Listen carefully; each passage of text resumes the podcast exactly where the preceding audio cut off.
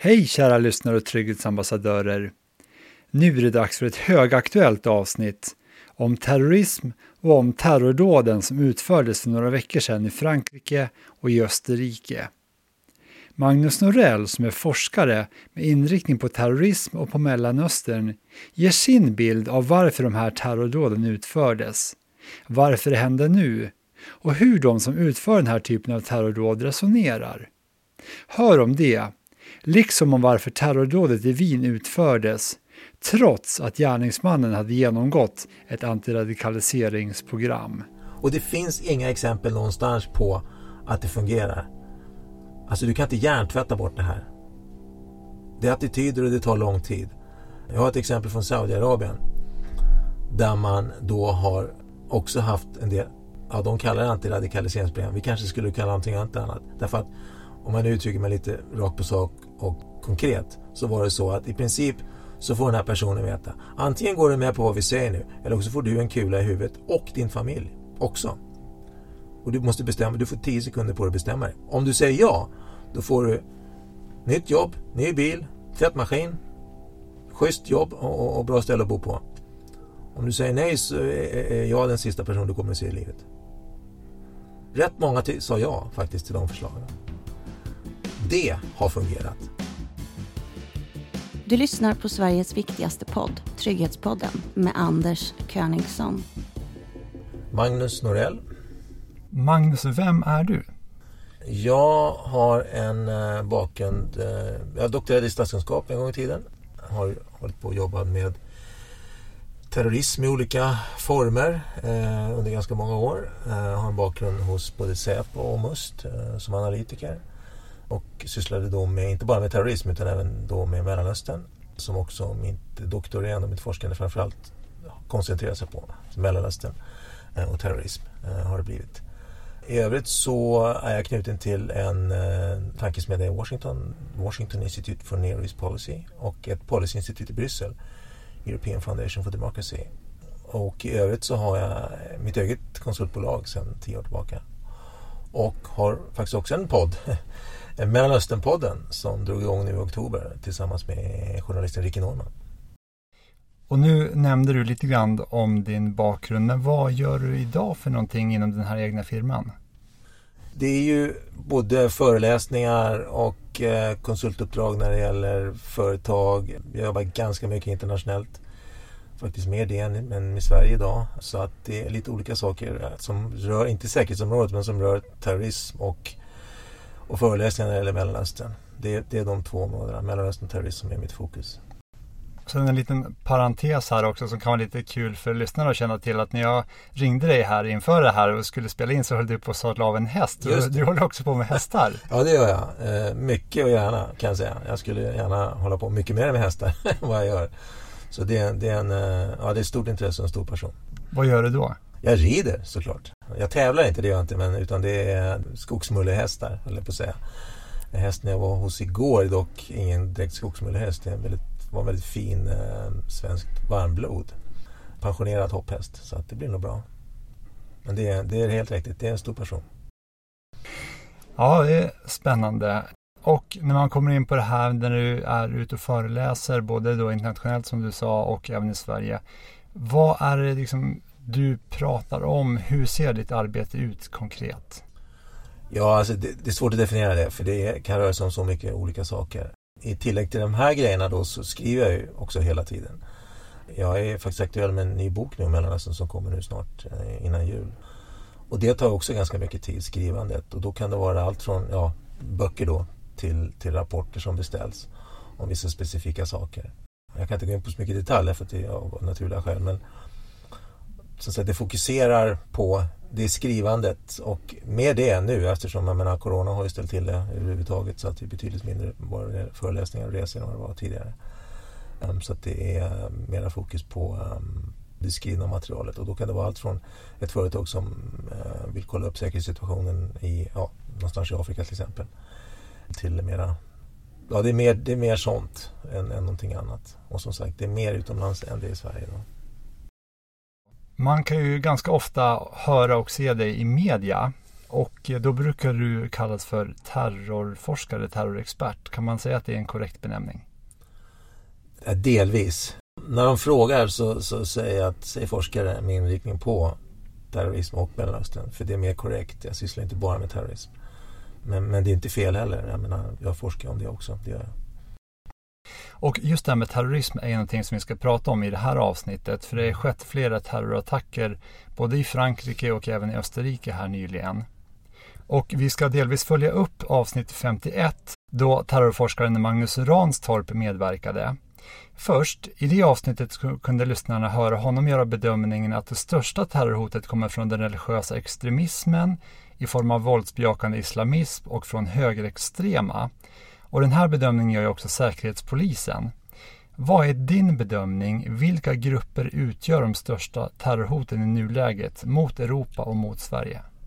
Ja, nej, jag har ingen annan uppfattning än, än vad Säkerhetspolisen har i just i det fallet. Jag menar, den militanta islamismen skulle jag nog säga, tycker jag är ett bättre, och mer korrekt uttryck, är, har i ganska lång tid utgjort det största säga, terrorhotet. Så att det är inga, inga nyheter där. Så att den här har man ju haft klart för sig under ganska många år. Vad är det som får dig att göra den här bedömningen? Ja, dels är det ju antal dåd naturligtvis och aktiva grupper slash organisationer runt om. Det är ju, som sagt, tittar man på antal dåd, utförda dåd till exempel runt om i Europa, så är det ju det här som dominerar. Och det finns idag inget som tyder på att den bilden skulle ändra sig eh, inom någon eh, närstående framtid. Så att det är en samlad bedömning av aktiva grupper slash organisationer och utförda dåd som det handlar om. Den här andra gruppen då som eh, både Säpo nämner och som Magnus Ranstorp tog upp, högerextrema mm. grupper. Mm. Hur stort hot är de skulle du bedöma? Jo, alltså där har ju aktiviteten ökat eh, de senaste åren. Det kan man ju se och det kan man se på, inte minst då i Europa. Det, det fortfarande kanske, jag, jag har svårt att riktigt att, att äh, gradera det här eh, därför att det är, det är ingen exakt vetenskap. Men i och med att du får en, en, vad ska vi säga, en, en, större mängd personer som är aktiva så ökar naturligtvis risken för att någon av dem ska ta kliva över gränsen så att säga. Ja, det är en sak att vara verbalt aktiv på sociala medier till exempel eller på andra håll. Men det är från att där gå över till så att säga, en, en rent aktivistisk modus operandi. Det, är, det ska ju en del till för att det ska ske så. Det som man kan säga, det som skiljer de här båda delarna då är att, att den, den, militanta islamismen hänger, sitter väldigt tätt ihop med den icke-militanta islamismen. Alltså det finns en stor ideologisk pool att dra av för de militanta och det gör ju att det, det hotet blir större. Alltså rent numerärt så är det så. Men som sagt, i och med att de här till exempel de högerextrema grupperna har ökat och att den politiska, både på vänster och högersidan, alltså den politiska polariseringen i Europa och det gäller både höger och vänster, har ju också ökat. Och i och med att det blir så att säga en större acceptans lite grann i bredare, bredare lager så ökar naturligtvis det potentiella hotet ökar. Men man ska också ha klart för sig att bara för att det är flera parametrar som krävs för att någonting ska hända. Alltså, det räcker inte med att folk blir mer, tycker att det verkar okej okay att, att ha extrema åsikter. Det räcker inte för att det ska slå över till att bli aktiva handlingar. Så det, det, det är flera faktorer som krävs. Och för att det ska så säga, och bli terrorism till slut så krävs det betydligt mer än att man har åsikter om saker och ting. Det ska finnas en infrastruktur, så att säga. det ska finnas en ideologisk infrastruktur. Det ska finnas möjlighet att skaffa sig vapen och sådana saker. Och det är inte alltid så enkelt som det kanske ibland kan verka. Så kan man sammanfatta det hela. När du säger att acceptansen har ökat i att polariseringen har ökat, vad menar du med att acceptansen Jo, men att acceptansen, det menar jag att, att extrema eh, radikala åsikter på, på alla möjliga olika kanter, både höger och vänster och islamism. Om de blir mera mainstream, eller om de närmar sig mainstream, så skapar det ju ett, ett klimat där kanske den här gränsen från att gå från ord till handling minskar. Det måste inte vara så, men det kan vara så. Och det i sig är ju naturligtvis problematiskt. Och det är också någonting som det här är därför verkligen inga nyheter för det finns ju inte en säkerhetstjänst och en säkerhetspolis i Europa som inte har påpekat det här i ganska många år som sagt. Så det här är ingenting nytt. Det här med att det krävs flera saker för att du ska gå från ord till handling. Men det kan ju kanske ändå vara värt att, att påpeka det. Och sättet då att hantera det, ja det skiljer sig naturligtvis då från, från, från håll till håll. Men för det är just den här ständiga balansen. Hur mycket ska du tolerera i form av, av yttrandefrihet? Och, och, och jag menar att den ribban ska ligga väldigt högt. Ett bra demokratiskt samhälle klarar av det helt enkelt. Men, men det är fortfarande så att, att och jag tror att problemet är mer att de här kanske åsikterna inte bemöts mer än att de alltså, finns så att säga. För det är ganska lätt att slå hål på en del av de här mera, vad ska vi säga, foliehattsåsikterna eller foliehattsidéerna om att eh, det är Soros som ligger bakom. Du vet, Demokraterna vann i USA. Det finns ju ingen gräns för dumheterna. Och då tror jag att risken är mer att, att samhället stort säger att ah, man ruskar på huvudet och säger liksom det, det är bara för dumt. Och då måste man komma ihåg att det är inget nytt med att ha extrema idéer och åsikter. Ja, absolut inte. Men vi tenderar kanske att glömma bort att man behöver faktiskt bemöta det här. Och lyfta fram eh, trollen i ljuset. För då är det inte så svårt att hantera det här. Och har vi, tycker vi att vi har problem med att, att påpeka det här, då ligger vi riktigt dåligt till. Om vi har problem med att, att konfrontera konspiratoriska teorier, ja då ligger vi dåligt till. Och min känsla kan väl vara, min oro är väl snarast att det är där som det gäller. Att, att, att, att samhället i stort måste vara betydligt tuffare att försvara det vi har. Och inte bara sucka och ruska på huvudet och säga det är liksom ingen idé, det är bara för dumt. Även om vi tycker det. Och där tror jag vi kanske skulle vara lite mer på. Det här kan ju vara ganska komplext. Har du några mer konkreta exempel? Om man tar både högerextrema och eh, islamistiska då, grupper. Mm. I det här du nämner, några exempel på liksom, teorier eller sånt de för fram så att lyssnarna ska förstå mer vad det här handlar om? Ja, alltså återigen så är det viktigt att ha klart för sig skillnaderna här. Va? Om vi talar om, om terrorism i betydelsen utförda då, det är en sak. När man faktiskt går från ord till handling. Men om vi talar om extrema åsikter så är det någonting annat och det, det har världen alltid upplevt och kommer att fortsätta uppleva. Det, det är två helt olika saker. Va? Ska du bekämpa militant islamism till exempel, ja, då, då, krävs det en massa saker. Men om du ska bekämpa idéerna som ligger bakom den så krävs det andra åtgärder. Och det som du säger är väldigt komplext. Men om vi talar om den högerextrema, högerextrema åsikter eller the alt-rights som man säger på engelska ibland talar om. Så ja, då finns det en, en djungel av konspirationsteorier om att, ja, jag nämnde att man anklagar Soros för att ligga bakom Demokraterna. Man anklagar eh, världsionismen för att styra ekonomin, bla bla bla. Allt sådana här saker. Det i sig led, måste inte leda till, till någon form av våld alls. Det kan leda till att knäppa personer blir invalda i parlament. Men det, är helt, det får man som säga hantera inom strukturen. Och, och, i förlängningen av, av, den typen av diskussioner så finns det naturligtvis alltid eh, personer som är beredda eller som försöker gå från ord till handling. Till exempel i USA då så, så uppdagade man precis innan valet den här, den här ja, det var en konspiration för att eh, kidnappa eh, Michigans guvernör. Till exempel. Och det var ju personer som, var, som rörde sig i de här kretsarna då som hade tänkt att Nej, men vi måste liksom agera. Så det, det, finns ju där i förlängningen. Men om du tar den isla, militanta islamismen då och islamism som är en politisk ideologi så är det en ideologi som går tillbaks mycket, mycket långt i tiden. Alltså den är lika gammal som islam själv. Det finns en, en stor mängd, om man vill, av texter och ideologiska grunder att ta och stödja sig på för att utföra dåd. Eh, som de här då i till exempel i Frankrike och Österrike nu då senast. Och det, det som jag sa förut, det hänger intimt ihop. Den militanta islamismen och den icke-militanta islamismen. Så det är en helt annan det är på en helt annan nivå om du ska hantera det. Det krävs så att säga, alla, alla verktyg i verktygslådan. Och det är betydligt eh, mer komplicerat skulle jag säga. Så man måste ha klart för sig lite vad det är man, man tittar på och inte dra allting över en kam. Det, det är min kritik mot att man överhuvudtaget använder sådana här termer som våldsbejakande extremism. Allting tycks ner i samma liksom, gegga och det blir liksom ingen, inga bra definitioner överhuvudtaget. Och det gör man gör det av politiska skäl. Alltså det, det är mera av politisk självbevarelsedrift så vill man inte kalla saker och ting vid sätta namn alltid. Men problemet med det är då att, att vi inte riktigt definierar vad det är vi pratar om heller. Och det skapar problem för de som ska hantera det här. Där måste man vara tydlig. Vi ska återkomma lite grann mer till det här med hur man ska kunna hantera det här och bekämpa de här strömningarna och även risken då för terrorism. Först, om vi tar de här terrordåden som har skett nu den senaste tiden, kan du kort summera, vilka är de och vad är det som har hänt där? Du tänker på de i Frankrike och Österrike nu? Mm. Om man börjar bakifrån då så var det ju då en attack i Wien precis innan Österrike skulle gå in i ett, en lockdown då.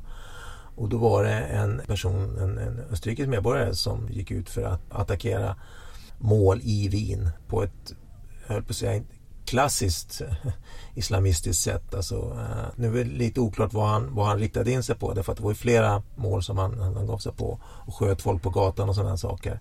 Och så dessutom så blev han ju också skjuten själv så att vi vet ju inte riktigt vad, om han hade någon plan med själva Alltså man hade specifika mål i tanken men, men det faktum att han gjorde som han gjorde och att han attackerade vad vi skulle kalla mjuka mål, alltså folk som går ut och äter på restaurang eller åker buss eller vad som helst. Det är ju en indikation på det. I Frankrike så var det ju då dels den här läraren då som fick halsen avskuren av en 18-årig tjetjensk flykting. Och han sa då själv att, att om han har kartlagt bakgrunden så var det ju då för att han då under en lektion i, om yttrandefrihet visade några av de här Mohammed-teckningarna. Då. Eh, och så var det då en attack i Nice i en kyrka där terroristerna gick in och sköt ihjäl gudstjänstbesökare. Alltså en attack mot en kyrka, mot, mot, mot kristenheten. Och det är de, de senaste attackerna då i Österrike och, och, och Frankrike. Eh, I Österrike var det nog eh, en stor chock tror jag för de, är, de har inte haft den här typen av attacker förut. I Frankrike så har ju nästan 300 människor dött sedan 2015 i islamistiska terrordåd. Så där finns det ju en annan beredskap. Och eh, naturligtvis en, en stor potentiell pool av människor som är radikaliserade redan och som, som polisen i vissa fall är medvetna om att de finns.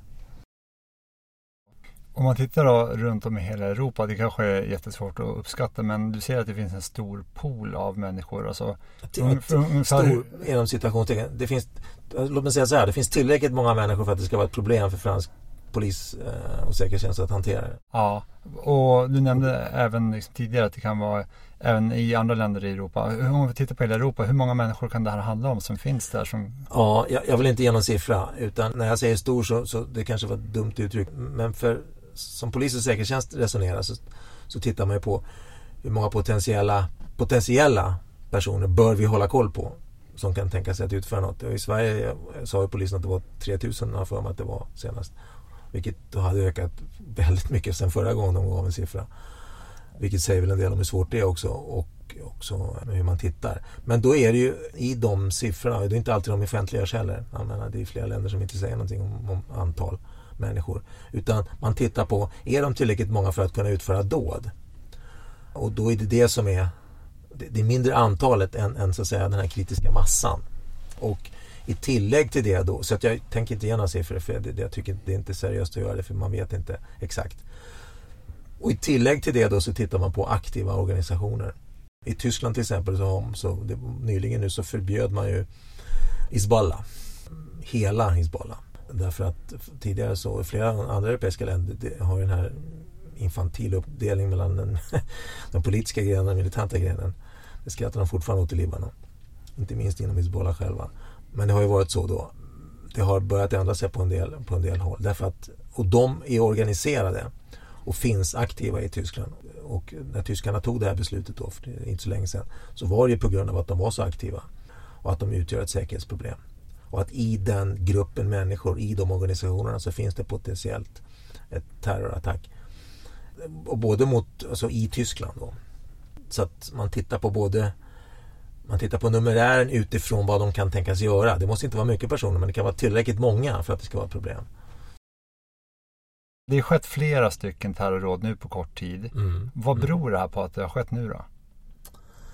Ja, om man börjar med det senaste i Österrike till exempel så, så, i det fallet så tror jag att den personen kan mycket väl ha beslutat sig för att slå till då han slog till. Eh, just på grund av att Österrike faktiskt skulle gå in i en lockdown dagen efter.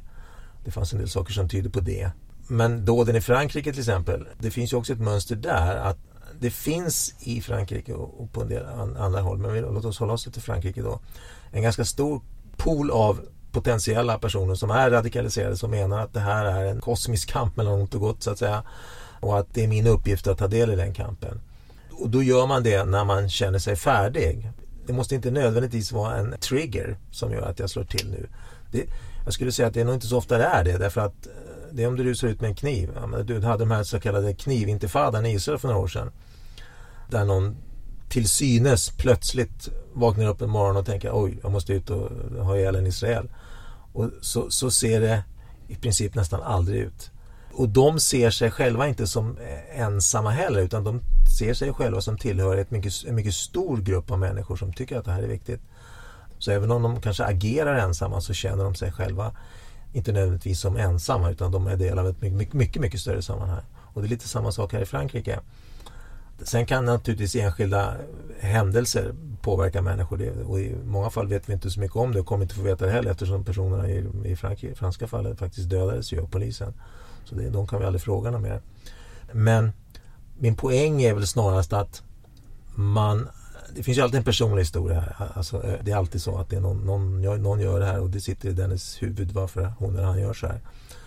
Och det är svårt att få veta det. Ofta får vi aldrig det. Men min poäng är att när man har kunnat förhöra folk som inte har skjutits av polis eller på något annat sätt dött så är det påtagligt så att man ser sig själva som en del av ett mycket, mycket större sammanhang. Alltså man agerar inte ensam på det viset som det ser ut som om man gör. Och väldigt få personer vaknar upp en morgon och bestämmer sig för att shit, USA är invaderat Irak, nu måste jag ut och ha ihjäl någon. Det funkar inte så. Alltså det, det har det verkligen inte gjort. Men det finns en större fara med det resonemanget skulle jag säga och det är det att vi ser inte de här aktörerna som självständiga aktörer. Att de faktiskt gör det här på grund av att de tycker att det är bra, att det är rätt och att de har tänkt igenom det här noga. Utan vi ser dem som personer som reagerar på någonting som vi gör. Och det är hyfsat arrogant skulle jag säga att göra det. Man ska ju betrakta de här personerna som vet vad de gör i stort sett, för det gör de ofta. Inte som någon som bara vaknar upp och blir, blir arg för att någonting har hänt någonstans, någon annanstans långt borta. Det, det är ett, ett, väldigt, jag skulle säga ett väldigt snävt västerländskt sätt att se på det här. Och det fråntar de här människorna, dels fråntar det dem deras eget ansvar och, och, och, så lägger det över det på oss istället. Så att det vi gör påverkar deras agerande hela tiden. Och det är klart att man, man kan påverkas av någon annans agerande men inte på det viset att man går ut och har ihjäl folk bara för att någon annan gör någonting någon annanstans. Och det är viktigt och det, det, tror jag är den stora faran när man ska försöka hantera det här. Därför att om du, det spelar ganska stor roll för hur man ska hantera det här om du ser att ja, men om vi bara låter bli att skriva böcker eller ha teaterpjäser eller göra teckningar så går det över. Och det har ju varit ett sätt att hantera det här och det har inte fungerat sen vi började resonera på det viset. Sen Salman, sen Rushdie-affären 89 Ja, men låt bli att visa de där bilderna då. De blir, de blir så arga. Det är otroligt arrogant sätt att agera på. Och dessutom så, så, hjälper det inte. Det har ju klart och tydligt visat sig att det har inte blivit ett dugg bättre därför att tyska teatrar lyfter bort pjäser om Mohammed eller att eh, böcker tas bort därför att de, någon kan ta, bli kränkt. Och det är den viktiga poängen här tror jag. Att, att, att säga A, det hjälper inte. B, det fördärvar våra egna samhällen på ett ganska grundläggande sätt. Och C, det förklarar inte deras agerande i alla fall. Eh, så det är inget bra sätt och det kan ju kanske vara värt att trycka på. Så om man ska sammanfatta det här nu om jag har förstått det rätt så är det alltså så att de som utför de här dåden de ser sig själv som i ett större sammanhang och i det större sammanhanget så känner de att jag ska göra någonting för att ja, främja kampen eller hur man nu ska uttrycka ja, det. Ja, det kan man gott göra. Precis, de ser sig verkligen som aktörer i en, en viktig kamp där deras egen religiösa tro är under, under attack. Det är, det är viktigt med offermentaliteten här. Alltså. Det är de andra som är dumma och jag måste försvara mig. Och så finns det naturligtvis då som jag sa en, en mängd olika eh, religiösa ledare som stödjer det här och som, som, blåser under det här. Och det är klart att när personer då som Erdogan eller eh, Nasrallah eller, eller Rouhani eller eh, Khan, alltså eh, nationella ledare kliver in också och säger samma sak. Eller det var ett likhetstecken mellan eh, Charlie Hebdos teckningar och att man skär halsen av en, en lärare. Då får du de här problemen. Alltså. Och in, innan det ändras så kommer inte, tror jag, att, så kommer du inte kunna komma till rätta med de här grundläggande ideologiska strukturerna som ligger under. Det, det måste till. Att de här personerna som jag nämnde, Rouhani Nasrallah, kan säga tvärtom. Att nej, det här är inte acceptabelt. Och de här ledarna, det kan ju vara bra för de som inte mm. vet vilka de är, vilka länder de Ja, precis. Erdogan är Turkiets president då. Nasrallah är ledare för libanesiska Hizbollah-rörelsen. Eh, Rouhani är president i Iran. Khan, Ishman Khan, eh, är, är premiärminister i Pakistan. De som jag nämnde här.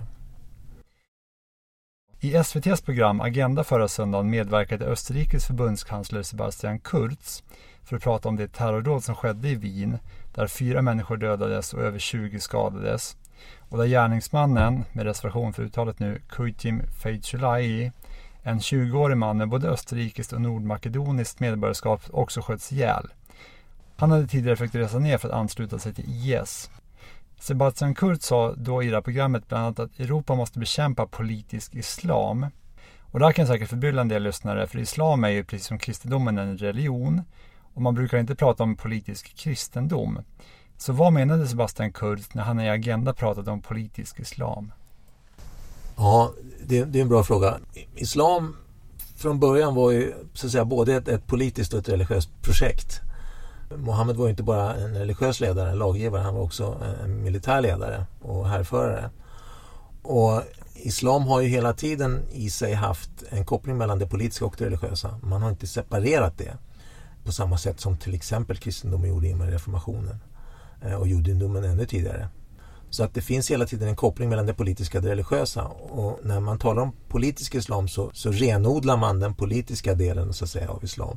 De som menar att det religiösa ska styra även över det politiska. Det är det man kortfattat menar med, med politisk islam. Vad exakt Sebastian Kurz menar det, det vet ju inte jag men, men det är den, den, den typ av definitioner som forskare använder i alla fall. Och hur möjligt är att göra det, tror du? Ja, det, det är en 10 miljoner kronors fråga. Alltså, det är ju så att det skulle vi behöva en, ett till poddavsnitt för att reda ut. Om du ska bekämpa politisk islam, för det första då så måste du definiera vad det är och då man kan, man kan kanske vända på det och säga så här. Hur kommer det sig då, du nämnde det att vi talar inte om politisk kristendom. Nej det gör vi inte. Vad beror det på då? Jo det beror delvis på att att kristendomen ganska tidigt separerade det politiska och det religiösa. Och våra demokratier i väst har ju gjort det också. Vi sekulära liberala demokratier. Skälet till det är att man ska inte ha en religiös överhuvud som bestämmer vad det politiska ska göra. Så ska du bekämpa politisk islam som sagt, nu ska jag inte man skulle behöva ha Sebastian Kurz här. Du får bjuda in honom till nästa avsnitt. Jag ska han reda ut det där. Vad han egentligen menar. För att du kan inte... Du måste separera det politiska och det religiösa. Det är liksom steg ett. Och det kan ju inte han göra eller någon annan göra. Det måste ju muslimska länder själva göra i så fall. Såklart. Och, och det, det vet väl han också. Men sättet att hantera det för oss då är ju då att, att vi ska vara väldigt, väldigt, väldigt noga med att tala om att här separerar vi det religiösa från det politiska. Och det gäller alla. Det gäller alla religiösa traditioner. Det är det viktiga. Det är sättet att hantera det, ja, det, det, det är ett sätt att hantera politisk islam. Men, men så att säga, den, den, eftersom det är någonting som har hängt med den religiösa traditionen i islam sedan den början, sedan jämt, så är det någonting som måste komma inifrån islam. Så att säga. Det kan ju inte någon annan utifrån påverka. Eller, påverka kanske man kan eller ha åsikter om men du kan inte ändra det där. Det måste ju komma inifrån precis som det gjorde i den kristna reformationen till exempel. Vilken betydelse har religionen islam haft i de här terrordåden som har skett då, nu i Frankrike och i Österrike? Ja, de, de, personer som har, som har genomfört de här dåden, de gör ju det utifrån ofta en, en religiös övertygelse. De är övertygade om att de är rätt och att de gör det för en god sak så att säga. Eh, så det kan man ju konstatera. Jag menar, det, det är otvivelaktigt så. Men Islam, precis som alla andra religiösa ideologier, kan ju definieras på mängder med olika sätt. Alltså det är som överallt annars. Att, att det, är, det är ju summan av vad människor tror som, som blir det här på något sätt. Och igen, i likhet med alla andra religiösa traditioner så kan det tolkas på, på mängder med olika sätt.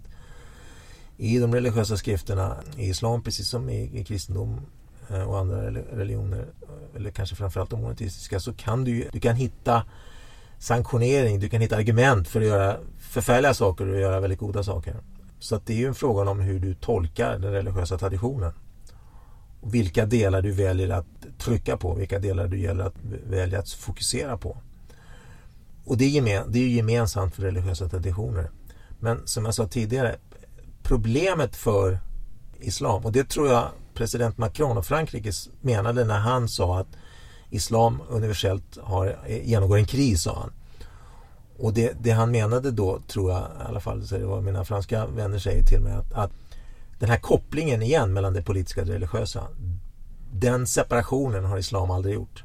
På det viset som kristendomen har gjort till exempel. Eller judendomen. Och det krävs för att det här ska kunna hanteras på ett bra sätt. Vilket väldigt många muslimer också är fullt medvetna om. Och min förra bok, Kalifatets återkomst, handlade ju om just de personerna i muslimska länder som har valt att lyfta det här och påpekat att det här är ett problem som vi som muslimer måste göra upp med. Och, och, och det jobbar man ju med hela tiden. Och det är goda krafter som är värda att stödja. Vad vill den här typen av terrorister uppnå då med de här terrordåden? Ja, det, det, det är ju kontextuellt då beroende på vad, vilken del av världen man tittar på. Men de här, om du tar, om vi tar de senaste exemplen i Frankrike och Österrike så handlar det ju om, precis som i andra fall, att man menar att ens egen tradition och religiös övertygelse är under attack. Alltså de betraktar väst som en fiende och man måste, som man måste försvara sig mot. Och det kan man göra på olika sätt men en, en, en genomgående tanke i den här militanta islamismen är ju just att du behöver inte, du behöver inte resa iväg till någon krigszon. Du behöver inte resa iväg till du behöver inte resa iväg till Islamiska staten. Du behöver inte resa iväg till Al-Qaida då, där det begav sig. Eller du behöver inte resa iväg till Tjetjenien. Du kan, du kan slå till hemma därför att fienden finns överallt. Inklusive i det land där du befinner dig nu. Islam är under attack, islam är under press. Och det är vår uppgift och din uppgift att vara med i det försvaret. Så att syftet kan, eh, och det är det övergripande syftet skulle jag säga. Att man ser det här som ett försvarskrig helt enkelt. Mot någon som man betraktar som fiende. Och i den, i den fiendebilden så ingår ju allt från vårt sätt att vara med jämlikhet och, och demokrati, äh, separation av religion och politik till, till utrikespolitik. Så att det är en stor, det är en bred palett av hot som målas upp. Men det gör det ju samtidigt lättare då för de här personerna att, att ta del i den här kampen. Du måste så att säga inte ge dig iväg någonstans. Du kan, du kan agera hemma vid. Precis som han gjorde i Österrike här till exempel. Vad är deras långsiktiga målsättning då? Finns det någon plan där? En så slutgiltig plan? Eller hur tänker de? Nej, jag, jag tänker de, det, det, återigen, det, om man tittar på olika islamistiska organisationer och grupper mer organiserade sådana. Och titta på den, de texter som de baserar sig på, som ju naturligtvis är mycket, mycket, mycket gamla. Där handlar det ju om att så småningom så kommer Gud att hjälpa Islam att, att ta över världen helt enkelt. Alltså det, det är slutmålet på något vis. Det, och det, det, det, är man ganska tydlig och klar med. Alltså slutmålet är det. Men man ska vara lite försiktig när man påpekar det därför att rent praktiskt så, så är det ju naturligtvis en annan fråga. Men om, om du agerar taktiskt för att du agerar ut, utifrån någonting så är det säkert så att väldigt många har de här, det här slutmålet i huvudet. Men poängen är att det kommer att ta väldigt lång tid. Eller det kan ta väldigt lång tid. Och det är man medveten om så att säga. Men om du talar om ett slutmål så är det ett slutmål. Men på väg dit så kan man använda många olika former och det måste inte alls vara våld nödvändigtvis.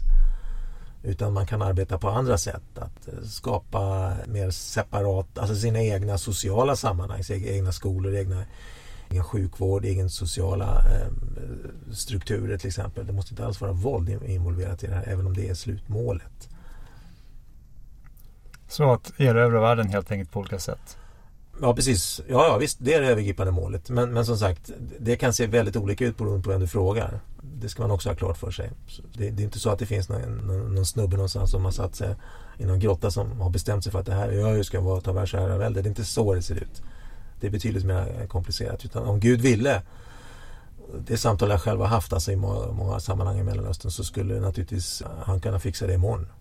Du vet, Gud är allsmäktig. Men, men, men under tiden så är det vår uppgift att ta del i den här kampen. Även om det kommer att ta 1400 år till. I en intervju med nyhetsbyrån TT berättar Mikael Damberg att Säpo och polisen efter terrordådet i Wien förstärkte sin bevakning av franska, österrikiska men också judiska intressen i Sverige. Och terrordådet i Wien skedde bland annat i närheten av en synagoga och flera andra av de terrorattacker som har skett i Europa de senaste åren har varit mot synagogor och andra judiska inrättningar. Varför angriper islamistiska terrorister judar? Ja, antisemitismen där är ju, är gammal och är lika gammal som islam också faktiskt. Och, och, det är därför att man menar att de är eh, en grupp eller en religion som man ser som en fiende och har gjort det hela tiden. Här får man ju titta tillbaka då på islams födelse och hur Mohammed hamnade i, i konflikt med judiska stammar i det som då var, var Saudiarabien. Och därifrån så stammar det här hatet mot judar.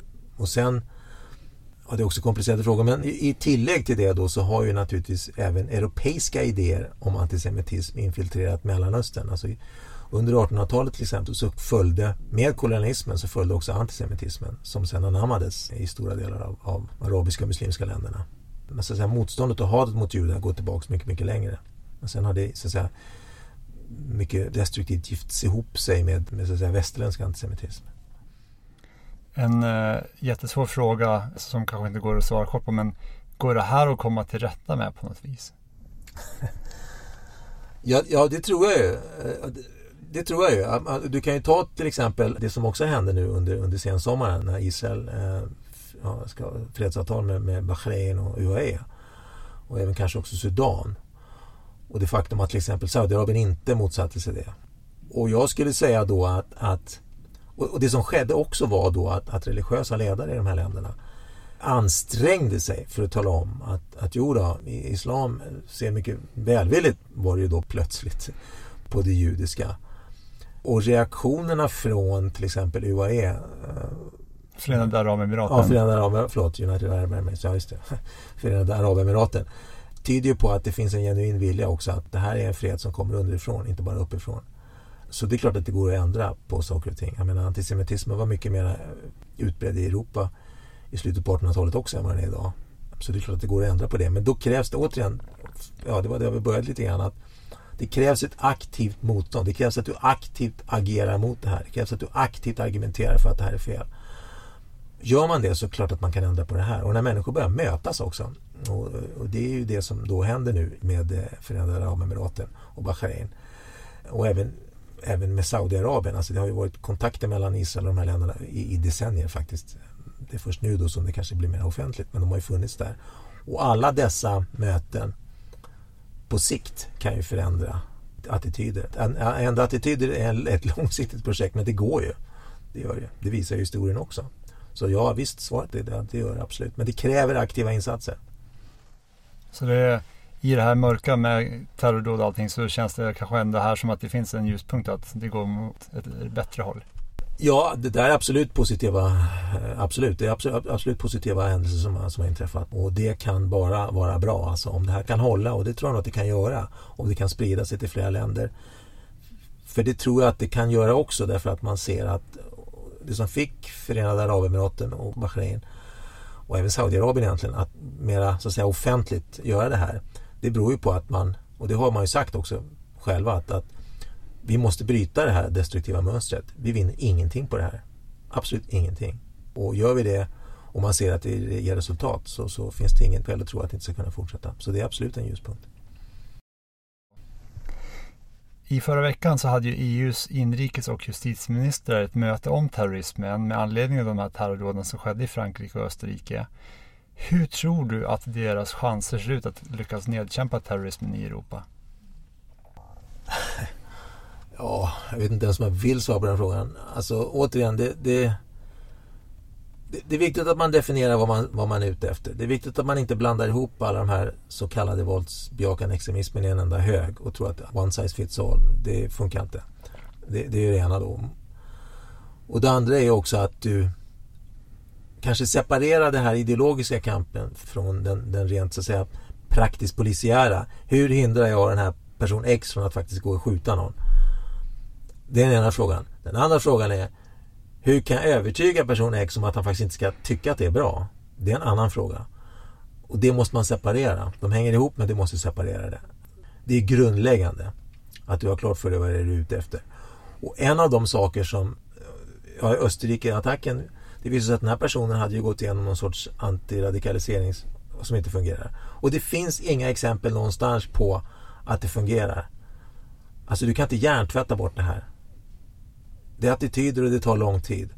Jag har ett exempel från Saudiarabien där man då har också haft en del, ja de kallar det antiradikaliseringsprogram. Vi kanske skulle kalla någonting annat. Därför att om man uttrycker mig lite rakt på sak och konkret så var det så att i princip så får den här personen veta antingen går du med på vad vi säger nu eller också får du en kula i huvudet och din familj också. Och du måste bestämma, du får 10 sekunder på dig att bestämma dig. Om du säger ja, då får du nytt jobb, ny bil, tvättmaskin, schysst jobb och, och bra ställe att bo på. Om du säger nej så är jag den sista person du kommer att se i livet. Rätt många sa ja faktiskt till de förslagen. Det har fungerat. Det är inga metoder som vi ens tänker överväga att använda i Europa. Men det säger någonting om hur svårt det är att ändra på attityder och låta folk gå igenom sådana här antiradikaliseringsprogram. Det finns inga riktigt bra exempel på att det har funkat någonstans. Och funkar det så, så är det för att den här personen själv har kommit till den insikten. Men då krävs det jättemycket resurser. Och i synnerhet om det är religiös övertygelse bakom. Gud har sagt åt mig att göra det här. Så vem är du att komma här och, som en liten pluttig human being och tala om för mig att jag har fel? Nej, nej, nej, nej, nej. Det, det krävs mycket, mycket, mycket mer då i så fall. Och den processen eh, Ja, återigen, det har ju eh, som sagt, man måste separera de här två delarna från varandra. Den ideologiska kampen och den, den praktiskt polisiära kampen. Och att man kanske också inser sina begränsningar. Att det kanske är viktigare i det här fallet att hindra folk från att utföra dåd. Och sen kan man ha en ideologisk diskussion med dem också. Bara de håller sig inom lagens ramar så att säga. Men det är en annan fråga och det kommer ta mycket längre tid. Kurtin Fejsjalaj var alltså född i Österrike men hans föräldrar kom från Nordmakedonien. Terrordådet i Paris begicks av en 18-årig man från Tjetjenien. I Nice var det en 21-årig man från Tunisien. Och Rahmat Akilov som utförde terrordådet på Drottninggatan i Stockholm kom hit till Sverige från Uzbekistan. I kommentarer i sociala medier så är det här en fråga som ganska ofta dyker upp. Och folk skriver då i stil med att de inte kan förstå att de som kommer till Sverige eller till andra länder i Europa eller vars föräldrar har kommit hit kan göra sånt här. Speciellt som de ofta fått hjälp och ekonomiskt stöd i form av olika bidrag som kommer från skattepengar. Du som forskar på det här med terrorism, kan du svara på den här frågan? Varför vill terroristerna attackera människor i det land de har kommit till eller som föräldrarna har kommit till som erbjudit dem skydd och stöd? Ja, det, det är utmärkta frågor du ställer och de är inte lätta. Återigen, jag tror jag sa det tidigare också. Det första man ska ha i åtanke är att det alltid finns en personlig historia. Det finns en individ här som har med sig sina, sina idéer och attityder. Och, och de är det svårt kanske att komma åt ofta, eller det är omöjligt att komma åt dem ofta. Så det är det ena. Men det andra är också att när det gäller just de här exemplen som du tar upp här nu då, med islamistiska terrordåd så hänger det ihop med det jag sa tidigare att det här är ju människor som blir övertygade om att, att de är med i ett större sammanhang och utför en en försvarskamp där man försvarar sin egen religiösa tradition. Och de har fått lära sig att veta att fienden finns även där du befinner dig just nu. Och, och så länge du har den, den ideologiska basen, så, att säga, så länge du har de ideologiska strukturerna så finns det ju en, en grogrund för att eh, människor ska, så att säga, du, du, får höra att du får slå till på hemmaplan. Du får höra att det, det är helt okej okay att göra det då blir steget från ord till handling blir mycket, mycket kortare då än det skulle varit i, i, i andra sammanhang. Så det är en förklaring till att det blir så här. Och det är en viktig förklaring därför att om du tar bort de här, de här ideologiska förutsättningarna för det här så blir det mycket, mycket svårare för dig som individ att faktiskt övertyga dig själv om att jag ska börja skjuta folk runt om i stan där jag bor. Som bor och verkar precis som jag här. Men om du hela tiden får höra att du hör inte dit. Du är inte en del av det här. Det är egentligen fel det här och det är du som ska bestämma egentligen. Och, och det är helt okej okay att ta livet av de här personerna. De blir symboler för ett hot mot dig och din egen religiösa tradition. Om du hela tiden matas med det här, för det är det som politisk islam gör, då blir det mycket lättare att ta det här steget. I synnerhet om det kanske om det finns andra faktorer också. Så att säga. Men det är inte alltid, det, är, det är inte ens oftast så. Men de, de faktorerna skulle jag trycka på. Jag skulle säga att det är de viktiga här. Va? Du blir inte terrorist för att du är fattig till exempel. Då skulle Sydamerika vara betydligt full, mycket mer fullt med terrorism. Men det, så det är inte det det, det i första hand handlar om. Det, det, kan vara det, men det måste inte vara det. Um, men ta terrordådet i Mumbai 2008 till exempel. När det var pakistanska terrorister som då, om du kommer ihåg, kom gav sig på Eh, ett hotell, en judisk klubb, ett café, centralstation och deras uppgift var bara att skjuta ihjäl folk. Ingenting annat. De fick ju lära sig det att det här är symbolen för förtryckare. Och du vet, de, de knackar på en dörr på ett hotell och en gammal kvinna från England öppnar och skjuter ihjäl henne. Och så fortsatte de. Och för att det ska ens vara möjligt så krävs det ju en enorm så att säga, ideologisk indoktrinering. Där de får lära sig att det här är rätt. Och så länge du har det så, så blir det oerhört svårt att bekämpa det här. Och så länge du hela tiden, alltså när, när de som borde säga tvärnej glider lite och säger ja men ni kanske inte skulle rita den här teckningen. Du vet när du hela tiden har en sån här glidande skala då blir det ännu svårare. Så, så, länge, det, så, så länge de faktorerna kvarstår så tror jag att vi kommer att få leva med det här under ganska lång tid. Tyvärr. Det låter som en ganska dyster framtidsprofetia. Ja, men som sagt, mot detta så kan du ju ta det som vi pratade om tidigare här med att, att det går att förändra attityder. Länderna i Arabiska Gulfen visar ju det. Va? Det går att förändra attityder. Det är inte omöjligt. Men det krävs en intern uppgörelse med de här ideologierna i så fall. Men har du det, då, då finns det inget skäl att tro att det inte ska kunna funka. I förra, förra veckan beslutade polisen om en nationell särskild händelse och det här för att få en mer flexibel organisation som både kan förhindra att attentat inträffar och snabbt agera vid eventuella händelser. Och det här just på grund av just terrordåden som skedde i Frankrike och Österrike. Vilken bedömning gör du? Hur stor är risken för ett terrordåd i Sverige i nuläget? Ja, alltså vi har ju delvis liknande situation som man har i Österrike till exempel. Så det är klart att det finns individer här också. Men det, har ju, det här har ju polisen redan sagt. Alltså, det, det är därför man sa att ja, men vi har 3000 personer som potentiellt kan göra någonting. Eh, som man försöker då hålla koll på. Så att risken finns ju. Men återigen, jämfört med till exempel då Tyskland eller Frankrike så är den, skulle jag nog ändå säga att den är lägre. Därför att du har inte riktigt samma tryck från organiserad militant politisk islam att agera som du har där. Men den ideologiska grogrunden finns här också. Så skulle jag säga. Men jag, jag vill inte vara mer konkret än så. Och, och, den organiserade politiska islam som vi har i Sverige den är ju framförallt icke-militant. De är inte intresserade av att utföra terrordåd. Varför skulle de göra det? De har, Sverige är ett bra land att verka i. Man kan agera, man kan göra ganska mycket som man vill. Man kan bygga upp sina egna institutioner, man kan bygga upp sin egen sociala struktur. Det finns inget skäl att ändra på det.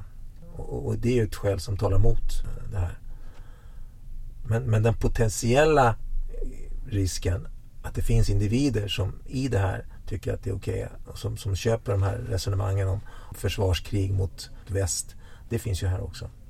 Men inte på samma, till samma grad skulle jag säga. I samma agendaprogram som jag nämnde tidigare medverkade också inrikesminister Mikael Damberg. Han sa att polisen och säkerhetspolisen har en mycket starkare kontraterrorberedskap idag än för 5-6 år sedan. Så man har en större förmåga att agera nu än tidigare. Vad består den här starkare kontraterrorberedskapen av? Ja, det gick han alltså inte in närmare på då? Nej. Ja, jag skulle också gärna vilja veta vad den består av, ärligt talat. Men det kanske hör till saken att den inte ska synas. För det blir nödvändigt. Men som sagt, jag skulle också gärna vilja veta vad den består i. Tror du inte att det stämmer? Nej, jag, jag tror ingenting. Jag, jag, jag, vet bara, jag, vill, jag vill bara, i så fall, jag vill veta konkret vad det är som, är, vad det är som har gjort att beredskapen är bättre. Du har hört ett avsnitt av Trygghetspodden. Fler avsnitt finns på trygghetspodden.se